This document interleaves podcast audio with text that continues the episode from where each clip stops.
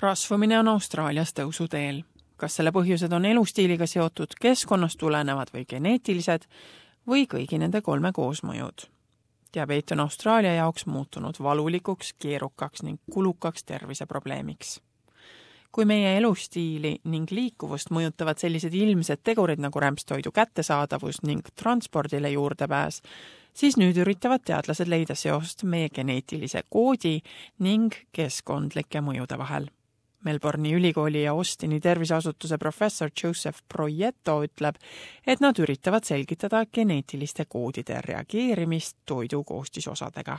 There is evidence also from humans that much of obesity is caused by environmental factors either in the womb or following birth that can alter the expression of a gene. In other words, whether a gene is working or not inimese rasvumisele vastuvõtlikkust saab määrata juba varajases lapsepõlves ning mõnikord lausa ema üsas oleval imikul. New South Walesi ülikooli farmakoloogia osakonna juht professor Margaret Morris uurib ema kehakaalu mõju oma sündimata lapsele. tema sõnul on aina rohkem emasid ning vastsündinud lapsi ülekaalulised. We know that childhood obesity has now increased dramatically since the 1960s. Over 30% of Australian children are now either overweight or obese. During that same window, mothers have become heavier. So now more than 40% of Australian women are reaching pregnancy either overweight or obese. And that's a new phenomenon. It really didn't happen two generations ago. Parker IDI südame ja diabeedi instituudi dotsent Jonathan Shaw ütleb samuti, et rahvastiku üldine väljanägemine on samuti muutumas, kuna aina rohkem inimesi võtab kaalus juurde. oma kaksteist aastat kestnud uuringus on doktor Shaw näinud, kuidas keskmise austraallase vöö ümbermõõt on viis koma kolm sentimeetrit laienenud. tema sõnul kasvab naiste vöö ümbermõõt kiiremini kui meestel. It's likely that that's going to uh, continue in the next 10 or 20 years. So we're seeing people who are normal becoming slightly overweight, people who are slightly overweight becoming more overweight uh, and obese.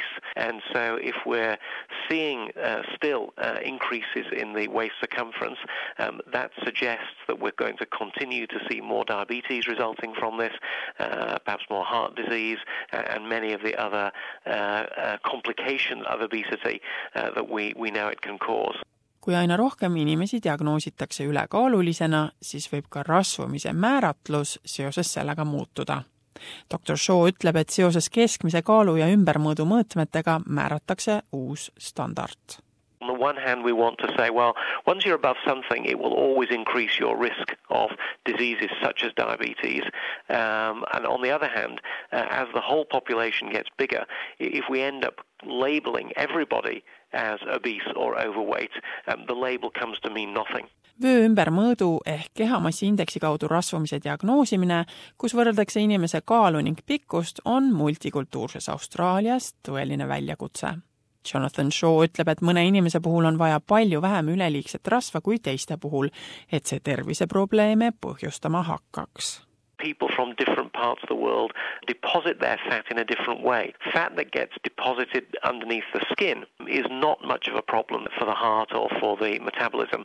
Fat that's deposited deep inside around the organs is uh, a problem and does cause trouble. For example, p- people from India, if they have to store some fat, they're much more likely to store it deep inside around their organs than they are beneath their skin. Much less of extra total fat is required in those people to start causing problems like heart disease and diabetes.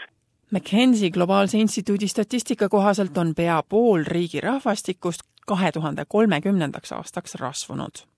diabeet jääb Austraalia kõige kiiremini kasvavaks krooniliseks haiguseks. doktor Proieto sõnul on nüüd aeg oma tervise suhtes palju tähelepanelikum olemiseks. We can try to avoid exposing our very young children to a lot of uh, sugars. But at the moment, it requires the cooperation of the people themselves. And many people simply are not listening for whatever reason. doktor Shaw ütleb, et rasvumise probleemiga tuleb tegeleda seaduslikul tasandil. If we keep the whole of our emphasis on the idea that people need to know that they need to take responsibility and need to make changes for themselves will keep on failing when we've been doing that for 20 years and it doesn't work very well. It's an important component. We need to do things at a societal level, at a population level, things related to taxation. We need to find ways of pricing foods so that healthy foods are the, the cheapest and the easiest rather than unhealthy foods being the cheapest and the easiest. professor Morris on rahva kehakaalu tõusmise ning tervise suhtes optimistlikum. tema sõnul võib kvaliteetne toit ning kehaline aktiivsus rasvumisest aidata jagu saada.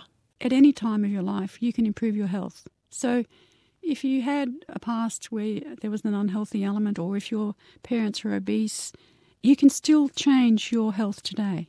What you do today in terms of your diet and exercise can have a big impact, and our studies show that very clearly. Sellel nädalal algas SBS-i telekanalil kolmeosaline sari pealkirjaga The Obesity Myth mis seab kahtluse alla rasvumisega seotud valearusaamad, nagu oleks rasvumise ainsaks põhjuseks inimeste elustiil.